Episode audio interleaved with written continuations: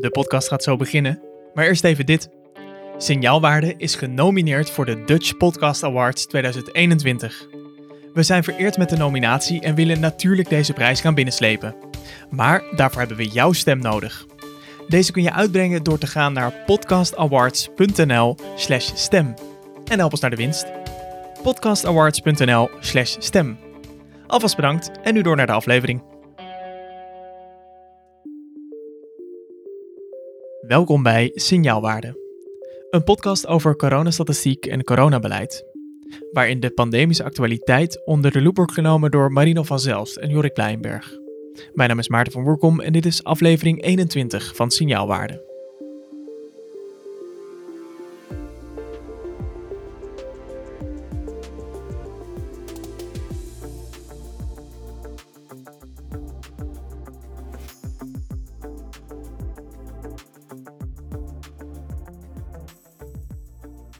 Goeiedag en welkom. Het is vandaag 23 september 2021 en dat is dag 575 van de coronapandemie in Nederland.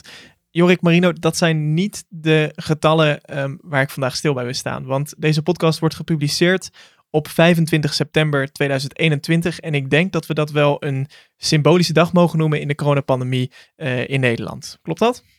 Ja, best wel. Het is namelijk het einde van de anderhalve meter samenleving. In ieder geval het formele einde, in de zin van dat het niet meer verplicht is of beboetbaar um, als je geen anderhalve meter houdt. Uh, de premier gaf natuurlijk in de persconferentie wel aan dat we nog rekening moeten houden met andere mensen. Um, hè, dus als mensen aangeven van, goh, ik vind het nog wel fijn om te doen, uh, was het verzoek van de premier, nou ja, daar kun je als solidair mens gewoon even rekening mee houden. Maar uh, je kunt niet meer... doe eens lief. Ja, doe eens lief, maar je kunt niet meer minister Grapperhaus achter je aankrijgen. Dat is eigenlijk de korte samenvatting. Hetgeen op zichzelf natuurlijk wel een geruststellende gedachte is. Maar die anderhalve meter samenleving heeft Nederland een tijd in de greep gehouden. Um, Rutte ontleende dat aan het feit dat er een Wikipedia-pagina uh, over bestaat. Maar goed, we kunnen het wat meer objectiveren. Het is uh, op het moment dat je dit luistert op zaterdag 25 september, dag 577 van de coronapandemie in Nederland. En 559 dagen um, hebben we in Nederland rondgelopen in de anderhalve meter samenleving. Dat is een jaar, zes maanden en negen dagen. Een hele lange periode dus, waar nu dan een einde aan is gekomen. Oeh, corona is voorbij. nou ja, dat is inderdaad wel het sentiment uh, wat men hier aan ontleent en het gevoel wat je erbij kan krijgen als die basismaatregel die we dus sinds 15 maart 2020 hebben, die anderhalve meter, waar zo enorm op gehamerd is en waar ja, fysiek de samenleving eigenlijk op is aangepast, uh, ten einde komt.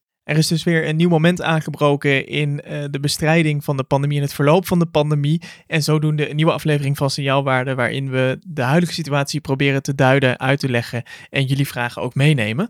Met het einde van die anderhalve meter samenleving komt er overigens ook een einde aan het eerste seizoen van Signaalwaarde. Dit is de laatste aflevering van seizoen 1. En um, dat impliceert overigens dat er een seizoen 2 gaat komen. Uh, dan weten jullie dat vast. Tenminste, Marino, Jorik, hebben jullie er nog zin in? Uh, uh, Oké, okay, we doen het niet. Was dit het officiële antwoord van Jorik, of wat is dit? ja, nou ja, ik heb niet zoveel zin meer in corona, om eerlijk te zijn wel heel veel zin in de podcast. Maar ik heb het echt wel, eh, net als de rest van Nederland, wel behoorlijk gehad met corona. Dat, uh, dat, uh, dat spreekt voor zich. Nou, misschien is het dan goed om te noemen dat we gaan kijken of we de focus van de podcast kunnen gaan verschuiven. Van duiding en uitleg naar um, uh, terugblik en duiding van de situatie over de grenzen. Um, en ook kijken welke lessen er geleerd zijn. En daar proberen we ook weer de nodige experts voor uit te nodigen. Um, daarbij moeten we ook noemen dat een van de, het kernteam hè, van deze podcast, Marino, uh, tegenwoordig ook een infectieziekte-expert is geworden, nu officieel. Um, je hebt een nieuwe baan, je bent... Um... Ik kan nog steeds niet zeggen dat ik viroloog ben. Jammer tegen alle kritische mensen, maar ik ben infectieziekte-modelleur uh, bij Wageningen University geworden. Dus ik ben nu formeel, weet ik iets van infectieziekten. In ieder geval cijfers en infectieziekten. Um, ik ben ja, daar de karttrekker bij een project over kijken naar de infectiedruk in verpleeghuizen. Dus we proberen eigenlijk uit te vogelen al die besmettingen in verpleeghuizen. Waar kwamen die nou vandaan? Voornamelijk van bijvoorbeeld de zorgverleners of van de bezoekers. Of um, hè, als er een bewoner besmet is, ander, die dan andere bewoners weer gaat besmetten. En wat levert eigenlijk de grootste infectiedruk op? En we, hebben, we gaan kijken welke interventies nou welk effect hebben gehad. Hè. We hebben best wel maatregelen genomen in verpleeghuis. Het begint natuurlijk bezoekersverbod. Dat is best wel een heftige maatregel geweest. Um, we zijn natuurlijk op een gegeven moment actieve preventief uh, beschermingsmiddelen gaan dragen. Dus uh, mond-neusmaskers, uh, testbeleid is best wel wat veranderd. Nou, dus we proberen ook te gaan modelleren van welke van die interventies en maatregelen hebben nou echt effect gehad. Eén, corona is nog niet voorbij. Um, dus die schattingen blijven sowieso nuttig voor corona, maar ook om te leren voor andere infectieziekten. En mogen het ons bespaard blijven, maar eventueel de volgende epidemieën en pandemieën, um, et cetera. Ja, dus dat is een beetje wat ik ga doen in Wageningen. Nog gefeliciteerd met je nieuwe baan. Ja, en um, waar ik jullie ook mee wil feliciteren, jongens, dat is dat wij genomineerd zijn voor de Podcast Awards, de Dutch Podcast Awards 2021. Um, ja, uh, van DNR. En dat komt omdat uh, jij als luisteraar, of jullie als luisteraars, ons hebben genomineerd. Dus waarvoor heel veel dank. Um, en daar komt meteen een verzoek achteraan, want deze award willen wij natuurlijk winnen. En dat kan, uh, denken we, als we genoeg stemmen hebben. En die stemmen hebben we nodig van jullie. En als het goed is, uh, heb je net voorafgaand aan de podcast al geluisterd naar een promootje. En uh, waarin we vragen op te stemmen. En stemmen doe je door naar podcastawards.nl te gaan, slash stem. Dus podcast notes. Zeker, zeker. podcastawards.nl slash stem. En dan uh, kun je daar onze stem, of, onze podcast selecteren en daar je stem op uitbrengen. Dus doe dat.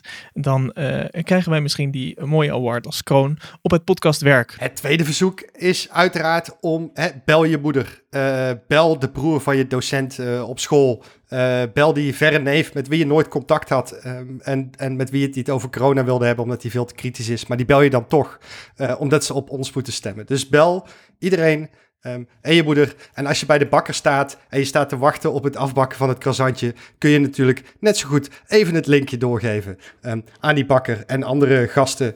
Um, want je hoeft toch geen anderhalve meter meer te houden. Dus de, die link kun je gewoon even in die neus drukken. Niet dat wij adviseren om de anderhalve meter per se los te laten. Maar neem die link podcastawards.nl slash stem overal mee naartoe. En zorg ervoor dat wij, nou ja, dit eerste seizoen, ja, ik zou toch willen zeggen glorieus kunnen afsluiten met eh, een prachtige prijs. Ja, stemmen kan tot ergens medio oktober. podcastawards.nl slash stem. Dan gaan we het nu echt over de inhoud hebben. Want ik eh, noemde het net al, na één jaar, zes maanden en negen dagen is er vandaag op 25 september 2021 een einde gekomen aan de anderhalve meter samenleving. En ehm, dat betekent dat er iets veranderd is in het beloop van de pandemie. En ik ben heel erg benieuwd. Uh, het OMT heeft zich daarover gebogen. De politiek heeft keuzes gemaakt. Um, ik ben benieuwd hoe staan we ervoor? Um, hoe is de situatie nu? Wat is de stand van zaken? Tot, uh, tot een paar dagen geleden stonden er slechter voor dan vorig jaar. dus, uh, dus ik was niet heel erg optimistisch. De, de mensen in de zorg zijn niet zo, uh, zijn zo blij. Um, ja, de epidemie. Ik vind het een beetje lastig om te zeggen wat precies de stand van zaken nu is. Ik kan wel natuurlijk wat droge cijfers opraadselen, zoals dat er op dit moment, wanneer op, opnemen, er toch wat uh, uh, ongeveer evenveel besmet, hoe heet het, oh, nee, besmettingen zijn als, uh, als, vorig jaar. Dat we het aantal doden is ongeveer gelijk. het aantal nieuwe opnames is ongeveer gelijk. En de totale bezetting is, is hoog. Um, dus qua, qua, ja, wat is er, wat is de stand van zaken? We zitten op vorig jaar. Dus dat, dat, is, dat is heel bijzonder. Uh, zeker omdat, daar, ja, omdat dat inderdaad een grote uh, verandering is. Uh, de vaccinatiegraad is heel veel hoger dan een jaar geleden. Want vorig jaar was niemand gevaccineerd. En nu is 70% van de mensen gevaccineerd. Dus dat is heel erg positief wat er in dit jaar is gebeurd en waarom we eigenlijk toch op eenzelfde uh, slecht niveau zitten eigenlijk als vorig jaar, is ook omdat uh, we Delta erbij hebben gekregen. Dus niet eens een uh, Alpha als nieuwe variant, die besmettelijker was dan de originele. maar vervolgens kregen we Delta er ook overheen. Um, en we hebben gezien aan het begin van deze zomer dat dat natuurlijk een, een, een virus is wat, zich, wat gewoon veel, veel besmettelijker is. Dus vandaar dat ondanks dat de vaccinatiegraad hoog is. En daar mogen we echt, eh, echt heel trots op zijn en heel blij uh, mee zijn. Uh, het in de ziekenhuizen bijvoorbeeld helemaal nog niet zo goed gaat. Maar waarom is er dan toch ruimte uh, gezien door de politiek, Marino, om te zeggen we gaan die anderhalve meter loslaten? Want eigenlijk als ik Jorik zo begrijp, dan is ondanks dat men gevaccineerd is, is de ziekenhuisbezetting, waar we, als ik het goed begrijp uh, en, en de woorden van de jongen goed interpreteer, nu uh, officieel opvaren. Namelijk niet meer de hoeveelheid besmettingen, maar daadwerkelijk de hoeveelheid ziekenhuisopnames. Um, uh, Jorik, jij schetst eigenlijk dat die, dat die ziekenhuisbezetting niet eens zo heel veel lager is dan vorig jaar. Uh, waarom ziet de politiek dan toch ruimte om te zeggen we gaan die anderhalve meter hey, afschaffen? Kijk, even een cruciaal verschil met vorig jaar. Vorig jaar zaten we ontzettend hard in de lift hè, op dit moment. Dus um, we zitten qua aantallen vandaag misschien wel op hetzelfde niveau. Maar vorig jaar was het die ontzettend, hè, die exponentiële groeifase. Um, aan het begin van de tweede golf, daar zaten we nu in. Dus, dus nu zitten we in een uh, vrij stabiele periode, het de laatste uh, twee weken wel lijkt te zakken. Um, maar het is een soort, we zijn al bijna twee maanden enigszins op hetzelfde niveau aan het surfen. En de laatste twee weken lijkt het dan iets te dalen. Um, dat is natuurlijk wel even verschil met vorig jaar. Kijk, wat het OMT eigenlijk heeft geschreven is... het OMT schetst een soort drie scenario's um, qua advisering... omdat het kabinet vraagt van... nou, kunnen we die anderhalve meter loslaten? En als dat dan kan, hoe moeten we dat dan inkapselen? Want het kabinet had zelf natuurlijk ook wel door... Uh, dat je niet alles kon loslaten... Um, het OMT schetst eigenlijk, je hebt soort drie scenario's. Je kunt vasthouden aan de anderhalve meter norm en de beperkte inzet van corona uh, toegangsbewijzen. Daar komen we zo meteen wel even op terug. Oftewel de status quo uh, continueren. Um, dan kun je scenario 2 vasthouden aan de veilige anderhalve meter afstandsnorm en brede inzet van de coronatoegangsbewijzen. En brede inzet betekent, hè, we hadden al wel coronatoegangsbewijzen, bijvoorbeeld bij stadions, maar niet in de horeca in het algemeen. Ik noem maar even wat. Nou, dat is scenario 2. Dus brede inzet betekent in uh, eigenlijk alle horeca en eetgelegenheden en culturele uh, musea bijvoorbeeld uh, coronatoegangsbewijzen. En scenario 3 was het opheffen van de anderhalve meter en brede inzet van coronatoegangsbewijzen. Um, gecombineerd met versoepelingen die volgen uit het opgeven van de veilige afstandsmaat van anderhalve meter. Het OMT zei, hè, dat is scenario 3, het OMT zei, uh, wij adviseren uh, scenario 3. Um, dus het OMT zegt zelf, schaf hem maar af, die anderhalve meter. Maar dan moet je wel die coronatoegangsbewijzen breed inzetten, omdat um, de modellering laat zien dat... Uh, daar wel echt risico aan zit. Dat schetst, het OMT ook. Dus daar zitten minder zekerheden aan en kan leiden tot een aanzienlijke opleving van het virus in uh, de komende winter. Um, en het OMT schetst eigenlijk met het coronatoegangsbewijs kunnen we dit risico dan een beetje beheersbaar houden. Um, het kabinet heeft dat eigenlijk aangegrepen. Hè? Dus het OMT schetst een soort ruimte van, nou ja, als je dit doet, dat doet het OMT natuurlijk best wel vaak, van er is ruimte, maar het is wel een risico. Um, dus je kunt dit doen en het kabinet uh, doet wat het kabinet doet. Namelijk als het OMT oranje licht geeft, uh, dan ziet het kabinet het als groen licht en dan gaat het gaspedaal uh, erin. Want het kabinet ging veel verder dan het OMT adviseerde. En dat, daardoor zag je ook het OMT afgelopen week, nou ja, eigenlijk een beetje schets van ja, wacht even. Versoepelingen zeker, maar dit is wel heel enthousiast en wij hebben dit niet geadviseerd, dus het is niet onze schuld als er hierna iets geks gebeurt. Dat heb ik ze nog niet eerder zien doen. Het kabinet week ook wel echt substantieel af, want ze um, hebben het nachtleven natuurlijk, uh, stond de opening daarvan gepland voor 1 november. Um, en dat is nu naar voren gehaald, dus dat is ook komend uh, uh, weekend, 25 september. Alleen het nachtleven blijft dan open tot de nacht. Um, want uh, de nachtclub mag open tot 12 uur.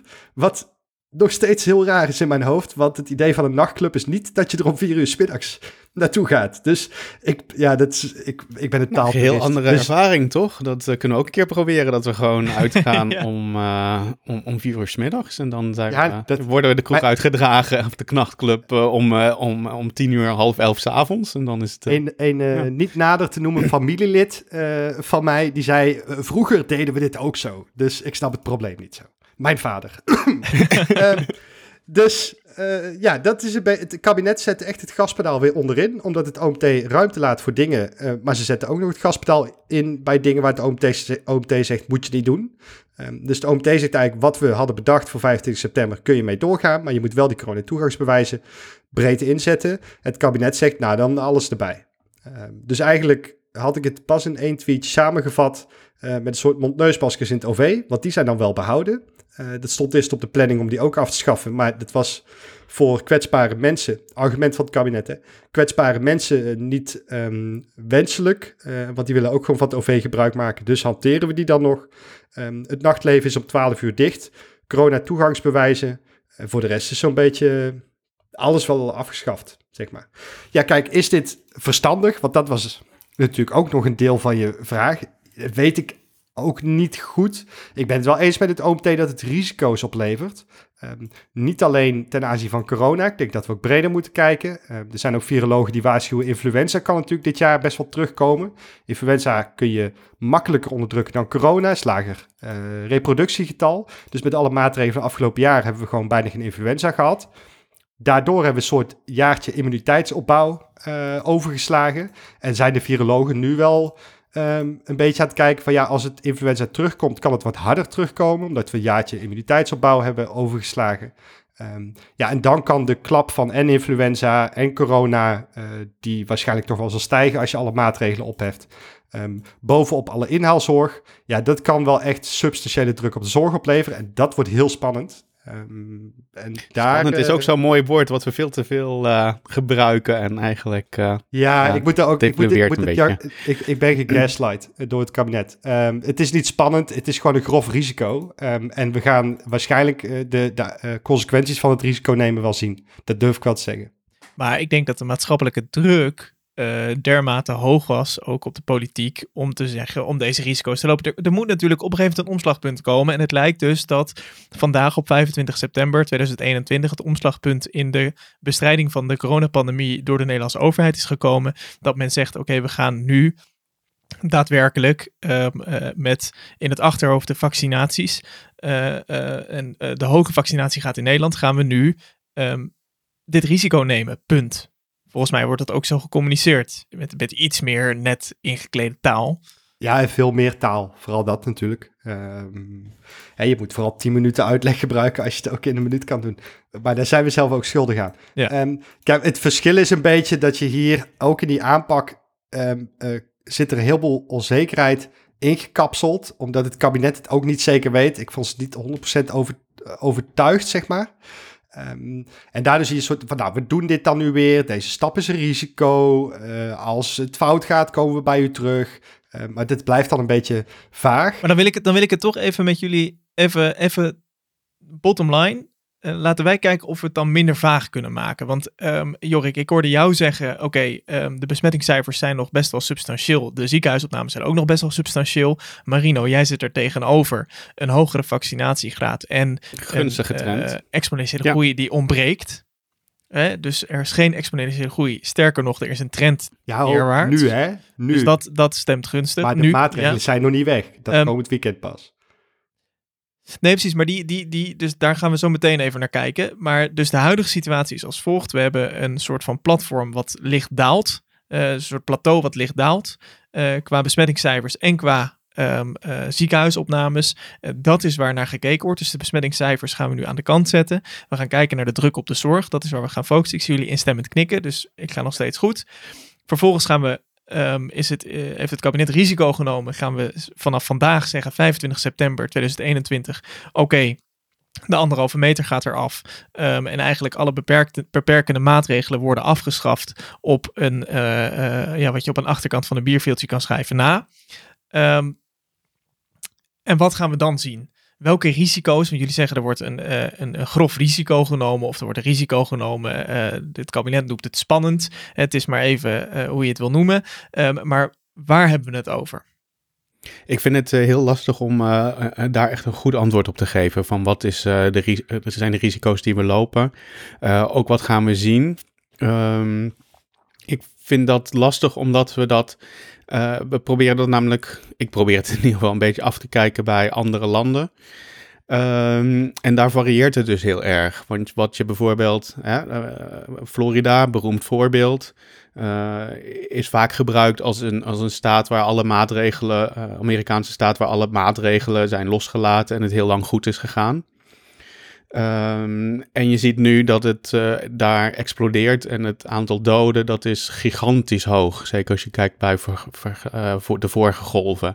Daar is het echt helemaal uit de hand gelopen. Um, wat, wat daar zo aan opvallend is, is dat je dus ook toen ze nog een lage vaccinatiegraad hadden in, in het voorjaar en iedereen naar Florida keek als het lichtend voorbeeld. Um, to, toen was het inderdaad, het aantal nieuwe gevallen was daar gewoon toen heel laag. En dan komt het toch opeens op een maand of drie uh, later. Uh, en dan een hele vervelende manier. Dus het kan best zijn dat je wat risico's neemt, of hele grote risico's neemt. En ondanks die risico's, dat het ook bijvoorbeeld in Nederland gewoon de komende twee maanden toch gewoon helemaal goed gaat. En, en, en de trend die nu dalend is, zich verder doorzet. Um, het virus is in dat opzicht ook wel onvoorspelbaar. En ook de, het gedrag van mensen in dat opzicht. Um, wat er precies gaat gebeuren. Het kan zijn dat, uh, dat het toch heel goed lijkt te gaan voor een paar maanden. En vervolgens toch dat je echt wel verrast wordt. Um, de, dus ja, ik kan nu heel, heel op pessimistisch zijn. En zeggen van het gaat uh, na volgend weekend helemaal mis. Maar dat gevoel heb ik niet. Um, het kan ook zijn dat het ook over een paar maanden helemaal misgaat. Want ik heb even gekeken naar de influenza-epidemieën. Uh, die beginnen vaak uh, pas in de laatste weken van het jaar. Dus rond week 50, dus dat is half december. Dat is vrij laat. Dus het kan best zijn dat, dat corona ook, dat dat gewoon laag blijft. En dan opeens dat je toch op het eind van het jaar uh, een hele grote stijging ziet. Maar goed, het kan ook zijn dat er uh, door, om wat voor reden dan ook, dat het ook gewoon laag blijft. En dat het vanaf nu daadwerkelijk ook echt voorbij is. Maar wat het precies gaat worden, ik, ik weet het niet zo goed. Nee, want als we even kijken naar de, hoe het in Nederland is geweest de afgelopen tijd, eh, dat, er, dat er versoepeld is, dan zijn versoepelingen vaak gevolgd door een stijging van uh, besmettingen. Um, uh, hetgeen twee weken, drie weken later gevolgd werd door een stijging van ziekenhuisopnames. Waarbij we begin van deze zomer natuurlijk die enorme piek die niemand zag aankomen hebben gehad. Ja, ik moet je daar wel in corrigeren, toch stiekem hoor. Um, want als je gaat bijvoorbeeld kijken naar dit voorjaar, toen we aan het vaccineren waren, toen hadden we natuurlijk ontzettend veel uh, besmettingen. Toen zijn we heel hard gaan vaccineren en toen is het gaan dalen en dalen. En toen zijn we, hè, toen, toen hadden we, weet je nog dat we het hadden over het openen van de terrassen? ja, en dat met z'n allen, nou ja, ja. Ik, ik, ik, wat minder, maar heel veel mensen toch doodsbenauwd waren dat het het dak uit zou gaan, zeg maar, als we de terras, ik bedoel, toen hebben we ook versoepeld, terwijl we in een dalende trend zaten. En toen hebben we die eerste stap genomen, en die tweede stap en die derde stap. Uh, en toen zijn we gewoon blijven dalen. Daar is toen ook qua ziekenhuisopnames gewoon niks aan veranderd. Dat is uh, die trend niet in ieder geval. Totdat we opeens te veel gingen versoepelen. En toen stap 5 en 6 bij elkaar hebben genomen. En uh, de jongeren met, met één prik op dezelfde dag, uh, op dezelfde avond naar het café met z'n allen hebben gestuurd. Waar mensen dan met 300 man op elkaar besmet stonden met Delta. Ja, dat, dat ging toen fout. Maar we kunnen, we kunnen deze voorgenomen versoepelingen niet uh, naast een van de eerder doorgevoerde versoepelingen leggen. Om op basis daarvan ik vind het, Ja, je kan ze zeker vergelijk, uh, vergelijken. Maar wat de uitkomst zou zijn, dat, ja, dat, dat moeten we even afwachten, denk ik. Maar misschien weet de infectieziektemodelleur daar meer van. Deze man is vier dagen infectieziektemodelleur, dus heel veel weet hij nog niet. Maar um, ik wil wel even kanttekening plaatsen. Jor, ik benoemde stap 1, 2, 3, 4 van de versoepelingen. Uh, ja, het ging omlaag. De vraag is natuurlijk, als je niks had gedaan, was het dan veel harder omlaag gegaan. Um, hè, dus, dus zeker, het ging omlaag. Maar in de modellering van um, hè, het RIVM zag je bijvoorbeeld als we die basisscholen die al vanaf februari open waren dicht hadden gehouden, dan hadden we in april met de helft IC-bezetting uh, gezeten qua corona. Dus um, dat het daalt is niet per se een reden om, om versoepelingen uh, geleidelijk door te voeren. Je kunt ook zeggen van ik wil dat het sneller daalt. En dat kan ik me ook herinneren. Doe ik even oh, nee, mijn hoofd. Maar dat is absoluut waar. Maar de originele vraag van Maarten was natuurlijk van als we nu gaan... Hij zei, zijn stelling was, elke keer dat we vers hebben versoepeld... Uh, stijgt het aantal dingen weer. En dat, dat is niet per se waar. Het kan ook Ja, wa- wat jij zegt klopt ook helemaal. Want het kan wel dalen, maar als we die versoepeling niet hadden gedaan. Ja, kijk, als we met z'n allen nu nog steeds in lockdown hadden gezeten, dan hadden we überhaupt geen besmettingen meer. Zo simpel is het dan ook wel weer. Dus het is uiteindelijk wel een keuze die je maakt als samenleving. Van wil je met z'n allen dan nog in een lockdown zitten, ja of nee? En die keuze heeft de samenleving natuurlijk duidelijk gemaakt. Dat is niet het geval. En dan, dan daal je minder hard of stijg je iets meer. Dus dat, en dat is de balans die je moet vinden als beleidsmaker. Infectieziektebestrijding is natuurlijk niet de enige, het enige eh, aspect van een samenleving. dit moet je even uitleggen, want dit is Ja. helemaal nieuw voor mij. Nee, dat dacht ik al. Dat is wel een van de dingen die ik dan wel wil benoemen, is nog dat we eh, heel stiekem in de zomer een nieuw doel gekregen hebben. Een nieuwe pijler, in het eh, eh, bestrijden bij de pandemie.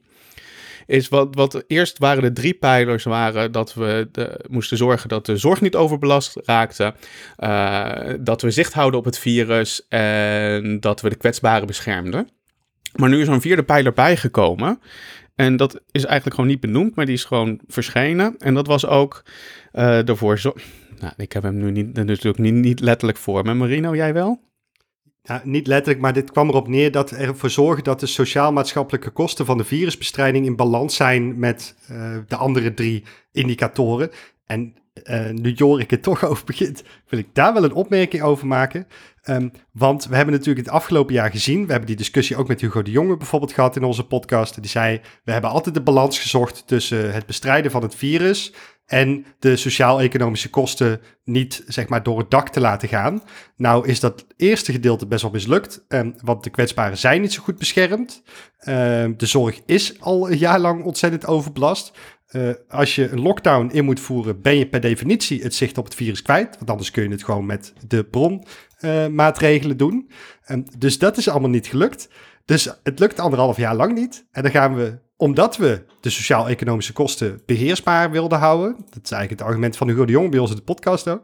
Dus we doen de eerste drie lukken anderhalf jaar niet. En dan gaan we nu een vierde toevoegen, die dan ook soort van niet helemaal gelukt is, maar nu wel. Dus we kunnen in ieder geval zeggen, een van de vier pijlers is nu succesvol ehm, aan het worden. Eh, De andere drie, eh Nou ja, ik denk nou, dat de dat, dat, evaluatie komt nog. Ik denk dat dat ook eh, is toegevoegd, maar dat moeten we maar eens aan, als we weer een beleidsmaker in het tweede seizoen aan tafel hebben, maar eens gaan verifiëren. Ik denk dat het ook is toegevoegd om recht te doen aan de maatschappelijke vraag die er leeft. Ehm, eh, dat daar in de politiek aandacht voor is. Want dat is natuurlijk eh, grote kritiek die vanuit de evenementensector, vanuit de horeca, et cetera, is gekomen, dat daar gewoon te weinig aandacht voor was. Ehm, binnen de hele bestrijding van de, eh, van de pandemie. Ja, maar volgens mij is dat ook iets wat, wat wij ook al vinden, al een hele lange tijd. Dat je ook breder moet kijken en niet alleen...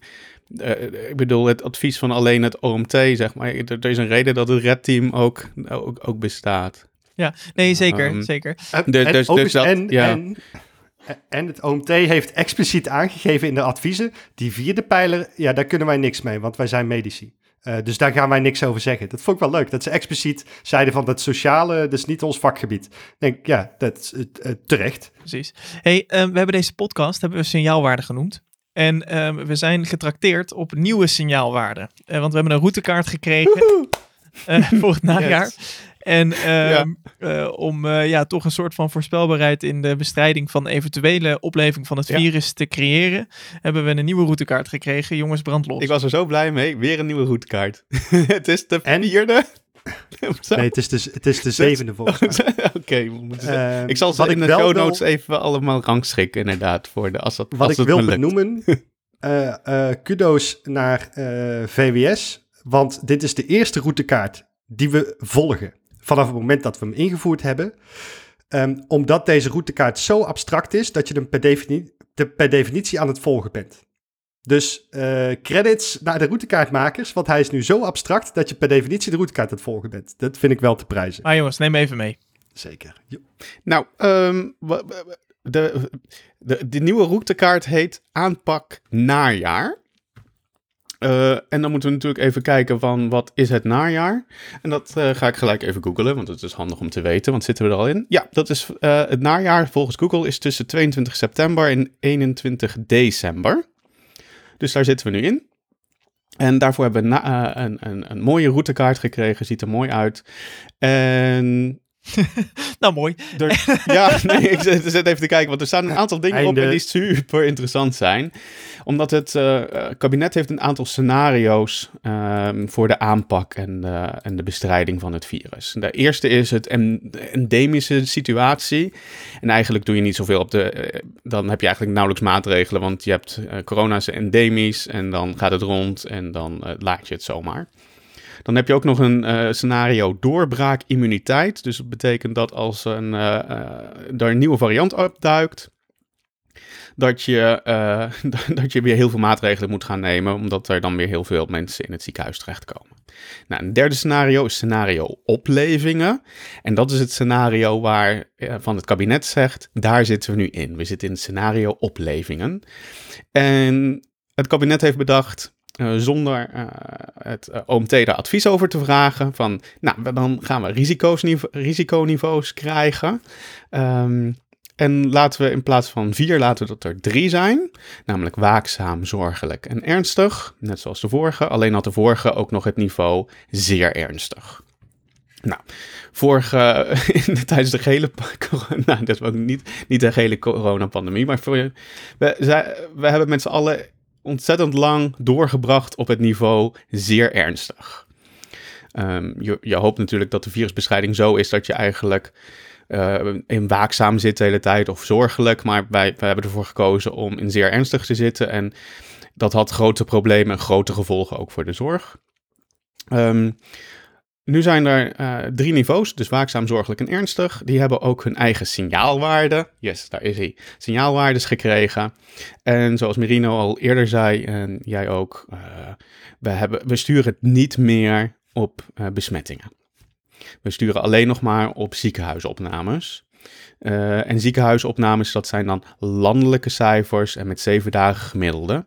Omdat landelijke cijfers zijn, kunnen we ook bijvoorbeeld de regio's niet meer inschalen op verschillende niveaus. Dus op het moment dat er ergens een uitbraak is in het noorden van het land, ehm, dan, dan is dat zo. En volgens de routekaart zelf kunnen we dan wel extra maatregelen nemen. Eh, maar voor de rest staat er nergens wanneer we dat gaan doen. Dus dat is vrij, ja, zoals Marino al zei, vrij abs- abstract. Ehm, dan de signaalwaardes. Ik vind het wel Ehm, grappig, sorry, er staat hier optioneel inzetten van regionale maatregelen. En dan staat er gericht lokaal in te zetten, eventueel met corona-toegangsbewijs. Is dat dan dat je dus uh, alleen Twente binnen mag met je coronapas? Ja, ja Nee, inderdaad. dat is, ja. nee, nou niet Twente in mag, maar dat je dus in een... Dat is dus als we in provincies denken... Juist, dus deze provincies of deze veiligheidsregio's zijn... eh, eh, hè, hebben we een groot probleem, uitbraken. Dus in Groningen in het café moet je wel je eh coronatoegangsbewijs laten zien. Maar als je Drenthe 50 kilometer het- in Drenthe niet. Dat is wat je daarbij moet bedenken.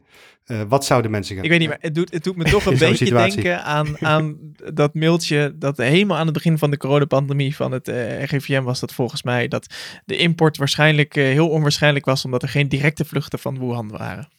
Zeg maar, dat, Ja, kijk, ik denk niet dat alles waterbed-effect oplevert, maar dit gaat, dit gaat toch echt wel een waterbed-effect opleveren. Want als jij vijf kilometer eh, zeg maar bij een veiligheidsregio woont, dan ga je gewoon eventjes vijf kilometer rijden naar die andere veiligheidsregio, ehm, omdat het daar niet nodig is. Dit gaat gegarandeerd waterbed-effect. Maar ik vraag me Ja, oprecht i- maar doen. iedereen, iedereen is Dit- straks toch gevaccineerd, dus dan maakt het toch niet uit. Nou, als het aan Hugo de Jonge ligt wel. Ehm, maar eh, nee, kijk, ik dit gaan ze ook niet doen. Het staat er wel, maar ze, ga- ze gaan echt niet coronatoegangsbewijzen in een bepaalde veiligheidsregio wel inzetten en in een andere niet. Nou, het, meest, echt eh, niet. het meest bizarre aan deze routekaart zijn eigenlijk de signaalwaardes. Eh, daar moeten we het wel echt even over hebben. Wat er is gebeurd is namelijk, eh, we hebben ooit bedacht dat, eh, dat er een niveau waakzaam, zorgelijk, ernstig en zeer ernstig waren. En daar zijn ook toen signaalwaardes aangehangen. Aangezien we nu alleen kijken naar IC-opnames of de ziekenhuisopnames, kan je dat ook relateren naar wat, wat is er in het verleden gebeurd. En in het verleden vonden we, als er meer dan bijvoorbeeld drie IC-opnames waren per dag, ehm, dat vonden we dan eigenlijk wel zorgelijk. Ehm, dat is nu niet meer het geval. Nu is het hele niveau zorg, of, eh, of waakzaam en zorgelijk, die zijn eigenlijk bij elkaar gevoegd. Eh, dus zorgelijk is nu ook waakzaam geworden. Dus de signaalwaardes eh, zijn wat hoger komen te liggen. Dus nu vinden we het pas zorgelijk dat mensen op de IC komen als er 10 per dag op de IC komen. Uh, dus dat is ruim drie keer zoveel. Um, en dat is natuurlijk wel ontzettend vreemd. Uh, zeker. Uh, oh, Marino schudt van nee. maar ik wil even het verhaal nog even afmaken, want ik kom er zo bij. Um, we hebben namelijk het niveau waakzaam, zorgelijk en ernstig. Op dit moment zitten ze signaalwaardes bijna, dat zijn er maar twee, dus de IC-opnames en ziekenhuisopnames, zitten allebei nu in het niveau van waakzaam. Het niveau van waakzaam betekent dat we geen coronatoegangsbewijs meer nodig zullen hebben, want dat is alleen nodig in niveau zorgelijk. En het vreemde is dat we dus op het moment dat jullie dit luisteren, waarschijnlijk echt in niveau waakzaam zitten, het coronatoegangsbewijs nodig hebben, terwijl via de routekaart aangeeft dat we die niet meer nodig hebben. Dus waarschijnlijk is het zo dat, hoewel deze routekaart heel mooi, prachtig en totaal onhelder en abstract is, uh, we er al ons daar niet meer aan gaan houden uh, komende zaterdag, uh, wanneer jullie dit luisteren. Dus dat is al, ja, dat vind ik dan weer zorgelijk. Um, we zitten ook in niveau zorgelijk, dus dat helpt. Um, maar wie weet zaterdag dus niet. Overigens kun je optioneel inzetten van regionale maatregelen, zoals het corona-toegangsbewijs, ook lezen als het optioneel inzetten in alle regio's. Technisch gezien is het dan nog steeds correct. Dus zou je de route... Zo abstract is de routekaart dat het zelfs dan nog klopt. Maar tegen de tijd dat we dit lanceren is de kans serieus groot dat we dus in niveau waakzaam zitten. En dan is het corona-toegangsbewijs technisch gezien... zou inderdaad al afgeschaft moeten zijn voordat die ingevoerd is. Um, en dat is inderdaad een interessante ontwikkeling. Waarom ik net even nee zat te schudden... Um, was ik ben het met Jorik eens. Ik vind de inschaling wat bijzonder. Um, want uh, ook ik ben er geen fan van dat we 40 tot 100 uh, opnames per dag toestaan en dan een beetje een uh, corona-toegangsbewijs en voor de rest geen maatregelen nemen. Het verschil is natuurlijk wel dat we die exponentiële groei in het ziekenhuis gaat nu waarschijnlijk veel minder stijl zijn dan de afgelopen tijd. Dus vorige keren, hè, in het begin van de tweede golf en eigenlijk de eerste piek, tweede piek, derde piek van de tweede golf, als je dan bewoog van niveau uh, waakzaam naar zorgelijk, wist je dat je een week later zat je al in ernstig en twee weken later zat je in zeer ernstig, want zo werkt exponentiële groei gewoon. Dat gaan we nu niet meer bereiken. Dus daarom waren die signaalwaardes wel anders afgesteld. Omdat je dan al eerder eigenlijk aan de bel had moeten trekken, omdat je dan in exponentiële groei terechtkomt. En nu is het waarschijnlijk de overweging. Ik zeg niet dat ik het ermee eens ben, maar ik wil die overweging wel even uitleggen. Dat die exponentiële groei niet meer zo hard kan gaan. En daardoor kun je wat rustiger bewegen tussen die risiconiveaus. Dus daarom zijn ze wat ruimer. Um, dit is even de logica van het kabinet. Hè. Ik zeg niet dat ik dit zo zou doen. Maar um, vandaar dat ze die niveaus zo hebben aangepast, omdat je niet meer in die explosieve groei um, terecht zou komen als vorig jaar. Dus dat heeft de overweging. Um, ja, ik vind het ook interessant om te zien dat we uh, die corona-toegangsbewijzen dus volgens de routekaart zouden moeten afschaffen, terwijl ze nog niet eens ingevoerd zijn. Maar, en dit is waarom het super vaag is, we hebben uh, indicatoren die uh, op de achtergrond meewegen in de maatregelen die genoemd, genomen moeten worden. Dat zijn de contextfactoren, hè, dus aantal gevaccineerden, immuniteitsontwikkeling, uh, beschikbare ruimte op de IC, bijvoorbeeld wel of geen griep, druk op de zorgketen en dan komt die de sociaal-maatschappelijke en economische situatie. En daarbij wordt ook informatie uit de dijkbewaking getrokken. Dus we zijn nu officieel overgestapt op een deltaplan um, voor het virus. Um, en daar uh, zien we dan ook dat, en dat vind ik de vervelendste zin uit deze routekaart, bij de bestuurlijke afweging om tot maatregelen te komen. Dat is de crux van de abstractheid. Er staat gewoon, luister mensen, er is een routekaart, uh, maar we doen gewoon dingen zoals we het altijd gedaan hebben natuurlijk, want ze shoppen altijd. Maar nu is het gewoon uh, bonanza. Dus hoe lang blijft het corona-toegangsbewijs er? Nou ja, als die niet zaterdag um, afgeschaft is, uh, dan is het een bonanza geworden. Um, hè, dus, dus eigenlijk is het gewoon heel onduidelijk wat nou precies de strategie is achter deze routekaart. Um, is het beheersbaar houden? Is het laten lopen? Oh, dan wil ik nog wel even in een, uh, in een rant uh, beginnen, inderdaad. Want wat, er, uh, wat, wat het ergste is eigenlijk aan deze routekaart, is dat, wat, wat, wat, nou ja, Marino zegt, er zit geen strategie achter. Kan gebeuren. Wordt deze naar de Tweede Kamer gestuurd zonder OMT-advies? Kan gebeuren. Maar de Tweede Kamer vindt deze aanpak voor het najaar, deze routekaart, gewoon oké. Ze vinden het gewoon oké dat niveau zorgelijk Uh, niveau zorgelijk betekent dat we een uh, corona-toegangsbewijs hebben en dat we pas meer maatregelen gaan krijgen uh, als we boven niveau zorgelijk komen. Uh, dat, dat, de Tweede Kamer vindt het oké dat er 160 tot 400 man op de IC ligt die beaamd moeten worden. De Tweede Kamer heeft niet even nagedacht of de zorg dat ook aan kan.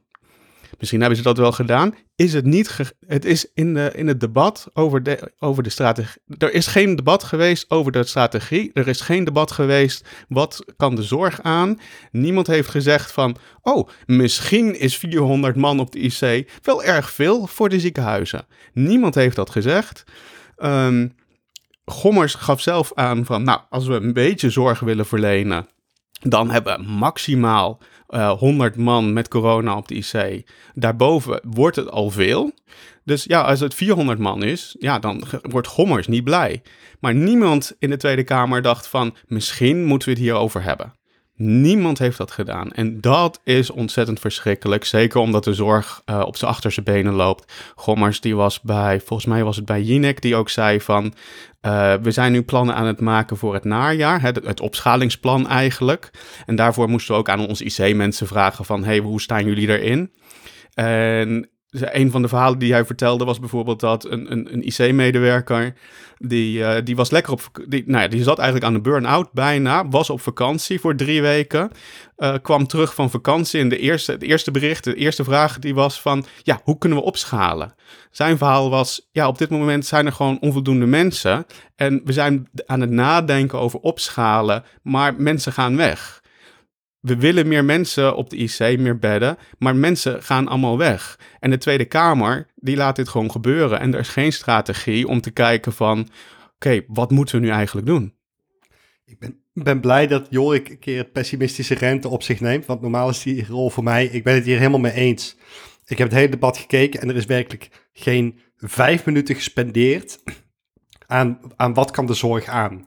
Um, ik heb wel Hugo de Jonge een paar keer zien doorrekenen van hè, we hebben 1150 IC-bedden, dat was het signaal. Um, en dan in het uiterste, nee, ja, in het uiterste geval kunnen we er 1300 doen. Ja, het maximum volgens, uh, volgens Kuipers, de beddeman, is 1350. Daarvan zijn 200 voor uh, griep en 200 voor COVID. Op dit moment kan je er dus 400 gebruiken voor COVID. Maar ja, je wil die, die 400 gewoon niet gebruiken, want je, of die 1350, want dan, dan zit je gewoon aan je maximaal van je IC-capaciteit. Sterker nog, uh, ze zeiden we houden dit vier weken vol. Dus de 1150 is de max en 1350 houden we vier weken vol en dan klapt het. En zelfs bij 1150 moeten we al enigszins triageren um, en selecties gaan maken, omdat je gewoon inhaalzorg hebt, uh, acute zorg, planbare zorg um, en dan ook nog infectieziektenzorg. Um, ja, ik vond het ook, ik ben het even mee eens, ik vind het een schande en dan gaan we naar het volgende thema, Maarten. Want we zitten, we hebben het woord corona-toegangsbewijs al heel vaak genoemd, maar dan laten we het dan maar over hebben ook. Of niet? Nou, voordat we het daarover gaan hebben, wilde ik het eigenlijk eerst nog even hebben over een contextfactor. Um, en wel een hele belangrijke contextfactor, namelijk het vaccineren. Um, uh, want, ja, eh, dat is toch wel, denk ik, de belangrijkste contextfactor uh, uh, die we hebben nu. het idee van een vaccinatie is dat het beschermt tegen ernstige ziekte en IC-opname. Jullie schetsen mhm, net, de mhm. IC-capaciteit is beperkt.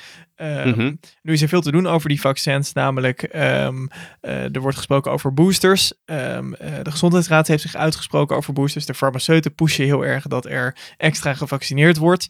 Uh, hoe is, is dat nou nodig? Zijn die boosters ook aangepast voor bijvoorbeeld de Delta-variant? Er zijn ook, ja, ik zag andere... inderdaad een vraag voor, ja, voorbij komen. Van... Vraag van even onze luisteraars.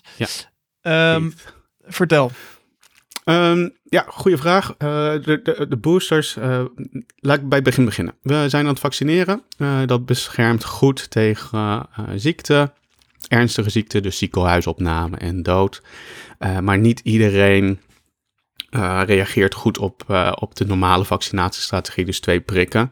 de Gezondheidsraad heeft er ook naar gekeken en beveelt om die reden ook een additionele dosis aan. Dus zij noemen dat geen booster. Um, zodat, eh, omdat dat in veel gevallen toch wel uh, extra bescherming geeft, die hard nodig is, zeker voor kwetsbare mensen. Uh, daarnaast hebben we een verschijnsel, dat, dat noemen we waning immunity. Dus dat betekent dat als je je vaccinaties hebt gehad, na verloop van tijd, wordt je bescherming gewoon wat minder. Nou, en als dat zo is, dat, dat zou natuurlijk heel vervelend zijn. Dus wat je dan kan doen, is nog een prik krijgen, een derde prik. Dat is dan echt een booster shot. Um, en dat zorgt ervoor dat eigenlijk je immuunsysteem weer geüpdate wordt. Nou, uh, dan, dan, dan, de vraag is even, dan moet ik hem weer even terugpakken naar van hoe zijn die vaccinaties, waarom hebben we een booster nodig en hoe, hoe, zijn die vaccinaties eigenlijk tot stand gekomen of het huidige regime. Dus bijvoorbeeld bij Pfizer, uh, wat ze hebben gedaan is, uh, ze dachten van oké, we hebben een vaccin en we moeten gaan testen hoe dat werkt. En nou, laten we maar een dosis geven aan mensen. Uh, dat, laten we dat een hoge dosis nemen. En dan, uh, dat is voor de eerste prik. En voor de tweede prik doen we relatief snel. Um, en die geven we dan en dan gaan we kijken wat het resultaat is. Nou, een jaar geleden hebben ze die klinische trial gedaan. En aan het eind van het jaar kregen we daar resultaten van. En dat bleek bijzonder goed te werken. Maar de, de, die timing, dus die vier weken of drie weken bij Pfizer en de, en de exacte dosis, dus de concentratie van het vaccin, dat waren eigenlijk gewoon gokken van de fabrikant. Dat was gewoon een gok. Um, normaal gesproken, of niet normaal gesproken, je ziet ook namelijk vaccins waarbij uh, bij de tijd tussen twee shots veel langer is, echt maanden. Uh, waarom? Omdat het een betere bescherming geeft dan twee shots dicht bij elkaar. Nou, wat Pfizer heeft gedaan was natuurlijk logisch in de context van vorig jaar. In de pandemie wil je namelijk gewoon zo snel mogelijk testen, werkt je vaccin ja of nee? En uh, dat hebben ze gedaan en, en het werkte. Maar we komen er nu achter dat het misschien niet de optimale strategie is geweest. Op zich is dat geen totale ramp, aangezien we altijd nog gewoon een derde prik kunnen geven. En we zitten nu ook in die fase dat we gewoon goed kunnen zien van, oké, hoe, werk, hoe, werkt het precies bij verschillende mensen en ook verschillende intervallen, omdat ook uh, landen ook verschillende intervallen hebben gekozen. Um, dus het is niet per se een groot complot van Big Pharma. Nee, ze hebben gewoon voor, om, ons allemaal zeg maar een derde prik aan te praten. We, het, het we moeten gewoon uitvinden wat de beste strategie is voor dit vaccin. Dat is het eigenlijk. Um, over de booster bijvoorbeeld voor, voor Pfizer. Ik weet dat ze nu in een klinische trial zitten voor ook bijvoorbeeld specifiek Delta. En hopelijk krijgen we daar dan ook een, uh, binnenkort ook resultaten van. Maar dat we dan kunnen bijvoorbeeld zien dat uh, uh, een andere timing misschien gunstiger is en ook bijvoorbeeld een andere concentratie. Oké, we moeten dus uit gaan zoeken wat de beste strategie is voor dit vaccin. Um, waar ik ook benieuwd naar ben, hoe zit het nou, uh, want dat hoor je ook veel en dat is ook wel belangrijk denk ik voor de uh, context achter de huidige situatie. Hoe zit het nou met de besmettelijkheid van gevaccineerde mensen? Ja, daar is natuurlijk best wel wat debakel over geweest uh, en discussie, omdat er verschillende studies zijn geweest tot nu toe over deze vraag, ook in het kader van het corona-toegangsbewijs. En we weten ondertussen dat bij gevaccineerde mensen de besmettelijkheid wel omlaag gaat, maar niet hè, uh, tot nul gereduceerd wordt. Dus de vaccinatie is niet steriel. Um, dat is het jargon.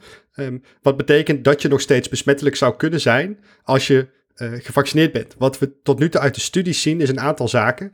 Eén, um, de heisa ontstond een beetje omdat er in het begin studies waren die lieten zien gewoon die CT-waardes.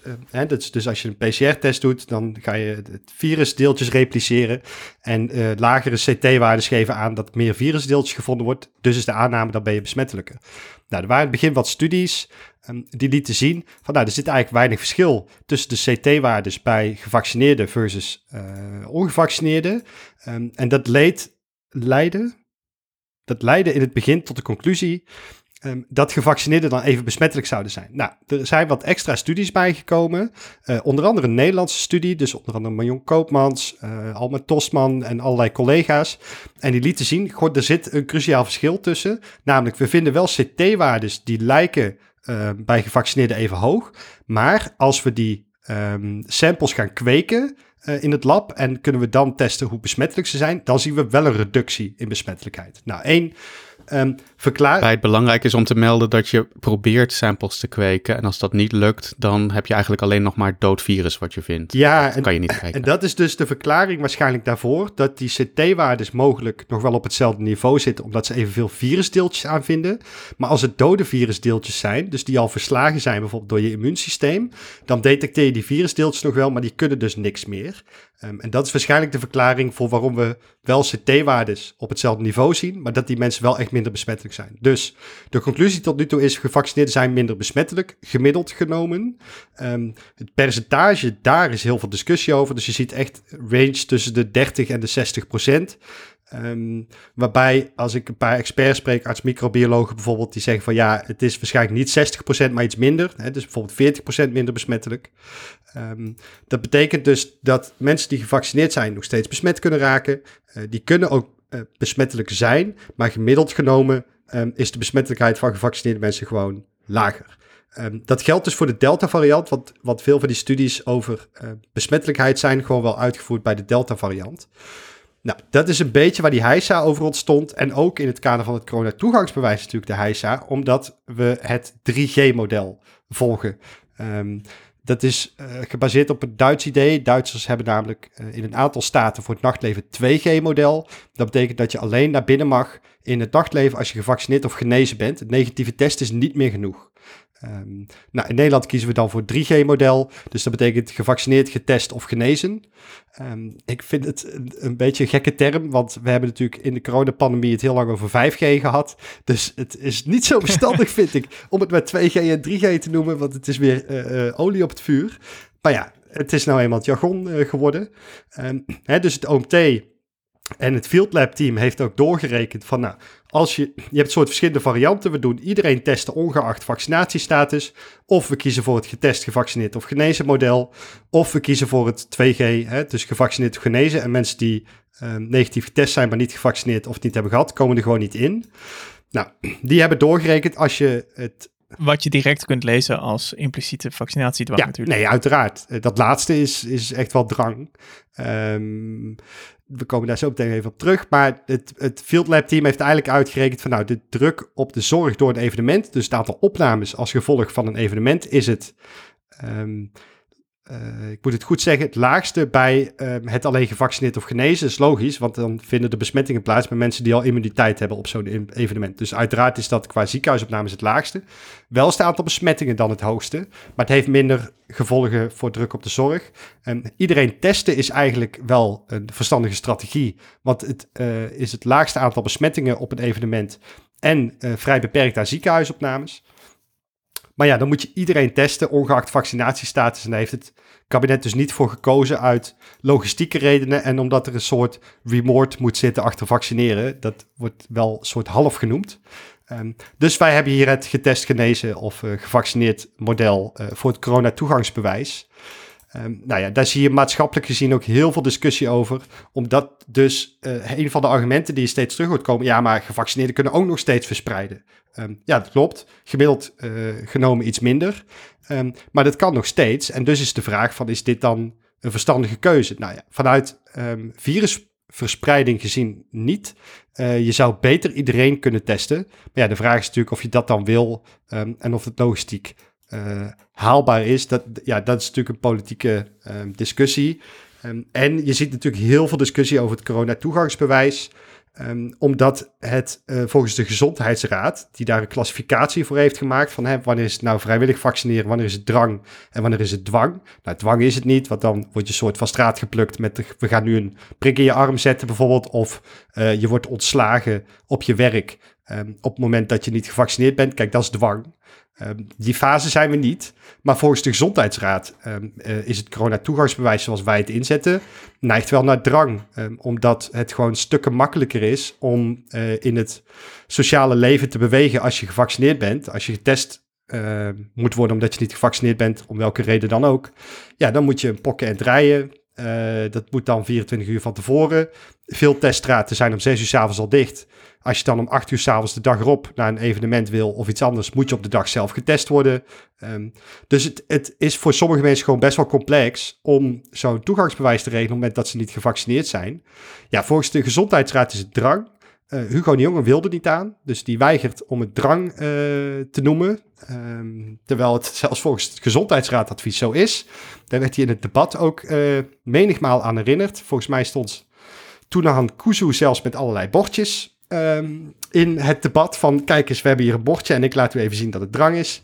daar was Hugo de Jonge zeer blij mee met deze bordjespresentatie.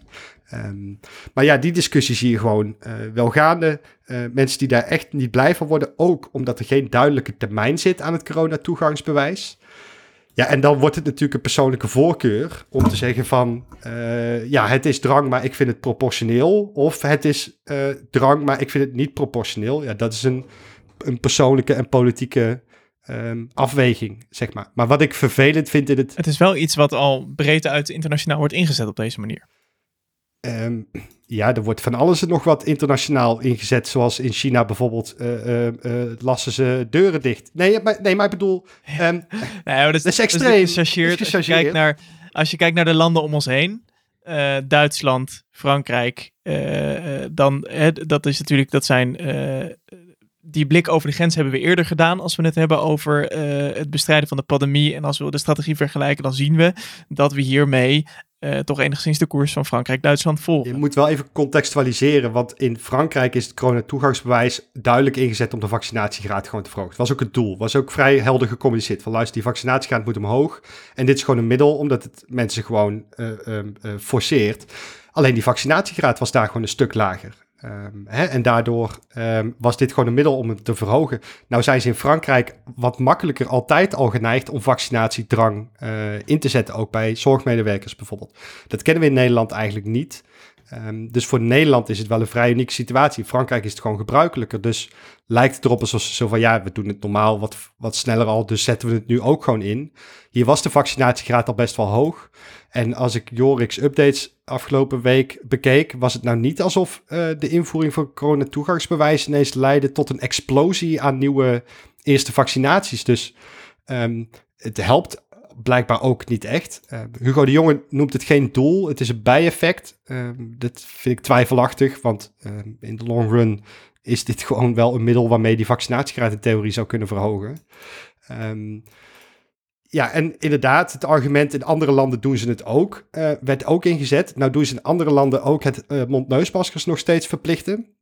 Ik noem maar even een voorbeeldje. En die, dat kopiëren we dan niet. Dus het is ook wel heel selectief shoppen uh, om te zeggen van ja, in die andere landen doen ze het ook. Ja, die andere landen hanteren ze allerlei maatregelen die de WHO adviseert. En die schaffen wij hier ook gewoon af.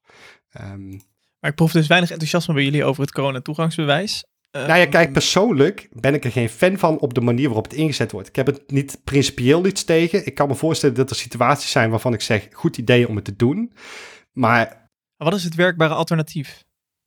Of zou je het niet in moeten zetten? Ja, wat, wat, wat ik, ja, ik, vind, ik vind het zo'n ontzettend lastige kwestie, omdat je er, er zijn heel veel aspecten aan. Uh, uh, er, er zijn namelijk principiële redenen om daar tegen te zijn, waar ik het denk ik niet mee eens ben. Maar ik was laatst op een demonstratie en er waren ontzettend veel mensen die het er niet mee eens waren is wel vaak op een demonstratie ergens tegen. Juist.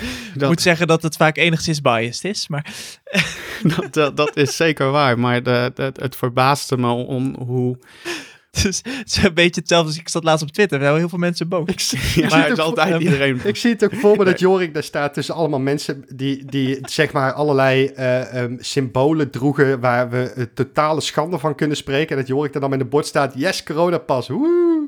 Weet je, dat, dit is ook een totaal onrealistische situatie inderdaad. Nee, nee, maar goed, je hebt natuurlijk de demonstraties waar uh, eh, 50 man uh, op afkomt. En je hebt uh, in dit geval waar 20.000 man op afkomen. Dus dat, dat vind ik een groot verschil. Dus daarin zie je ook dat het... maatschappelijk gevoelig, absoluut. Dat het inderdaad heel gevoelig ligt.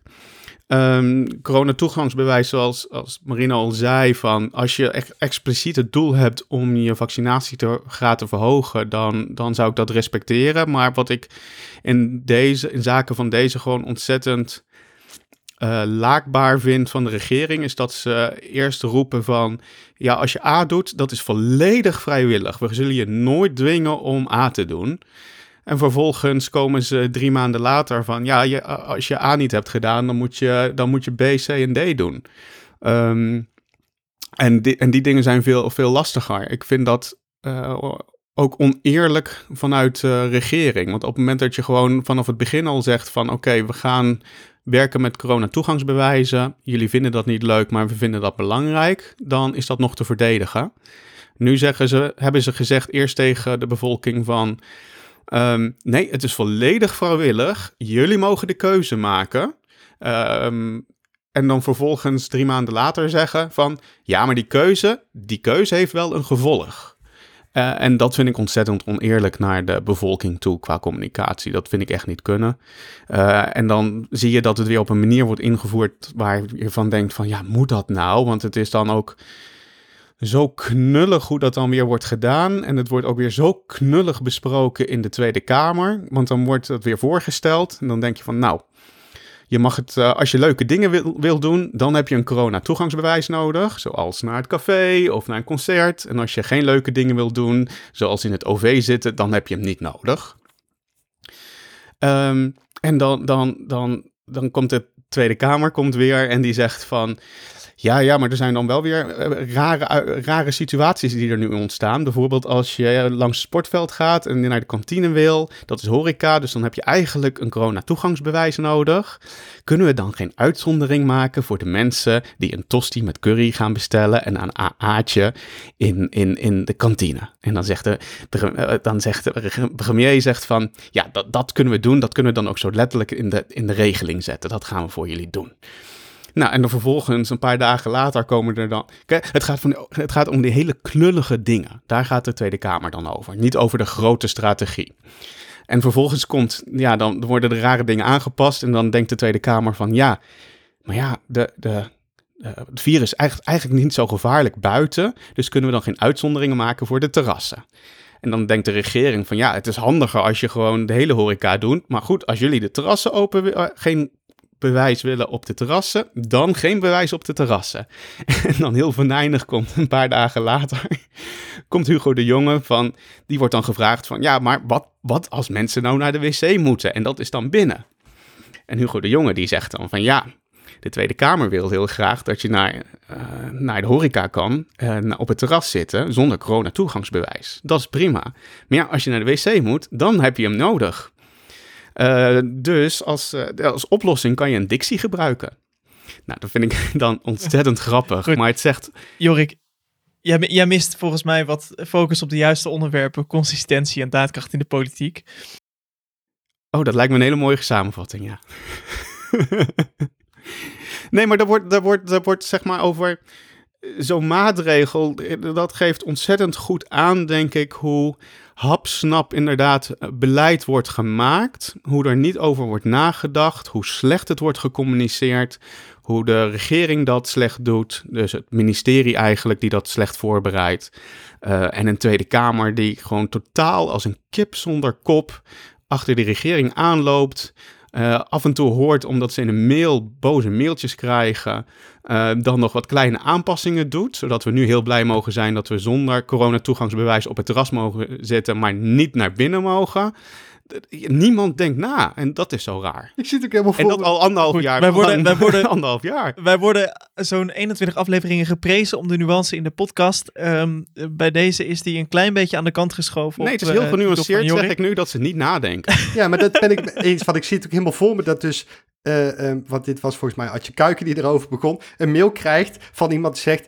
Ik kan zo mijn tosti met curry in de voetbalkantine toch niet eh, eten als mijn zoon van negen staat te voetballen. En dat, dat ze dan soort, ja, daar moeten we iets aan doen. Weet je wel? In plek van dat je het gewoon hebt over wat is een coherente strategie. Want ik heb, hè, dat is Jorik, geen principieel probleem met een corona-toegangsbewijs.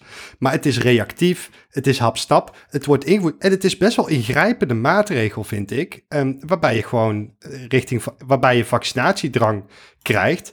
Waar Ehm, dat, waar ik ook niet principieel helemaal op tegen ben, ben ik geen fan van. Maar als het onderdeel is van een coherente strategie, die coherent gecommuniceerd wordt, is het een ander verhaal. Maar nu is het een soort, oh, nu trekken we dit uit de hoge hoed. Terwijl het gewoon echt wel een heftige maatregel is.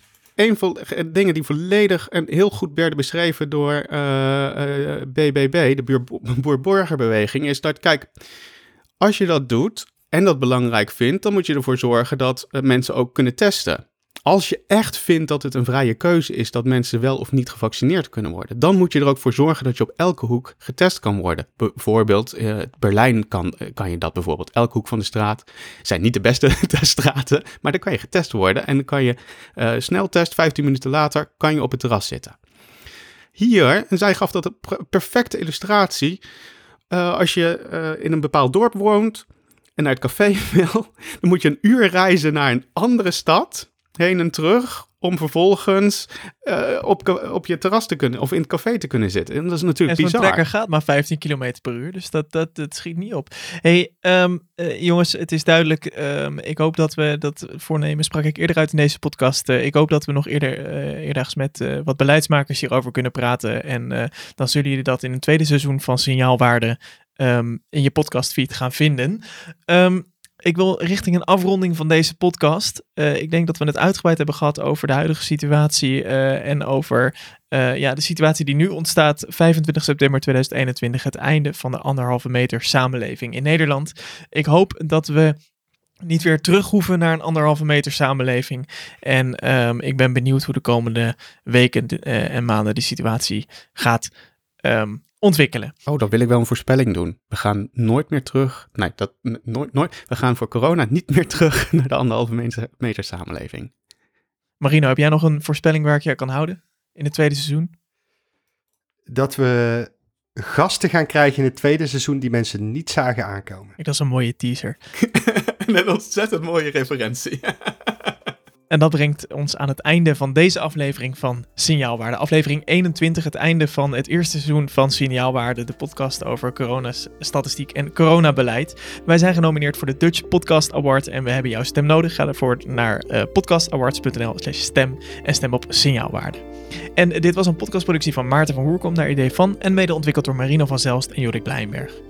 Je kunt Signaalwaarde volgen in je favoriete podcast-apps zoals Spotify, Google Podcast of Apple Podcast. En bij die laatste zouden we je dan willen vragen om een review achter te laten, want dan helpt dat anderen weer om deze podcast te ontdekken. We willen onze grote dank uitspreken voor de luisteraars die ons financieel hebben gesteund. Met jullie bijdrage houden we de podcast online en zorgen we voor een nog beter eindresultaat. Financieel bijdragen aan Signaalwaarde kan door vriend van de show te worden. Ga je voor naar vriendvandeshow.nl slash signaalwaarde en meld je daar aan. Daarnaast is het mogelijk om bij te dragen via een tikkie. Ga je voor naar onze eigen website signaalwaarde.nl en klik op de button bijdragen. Hier kun je ook je vragen kwijt eh, voor in de uitzending of je feedback insturen, want daar zijn we altijd benieuwd naar. Dit was het voor deze keer. Bedankt voor het luisteren en tot het volgende seizoen.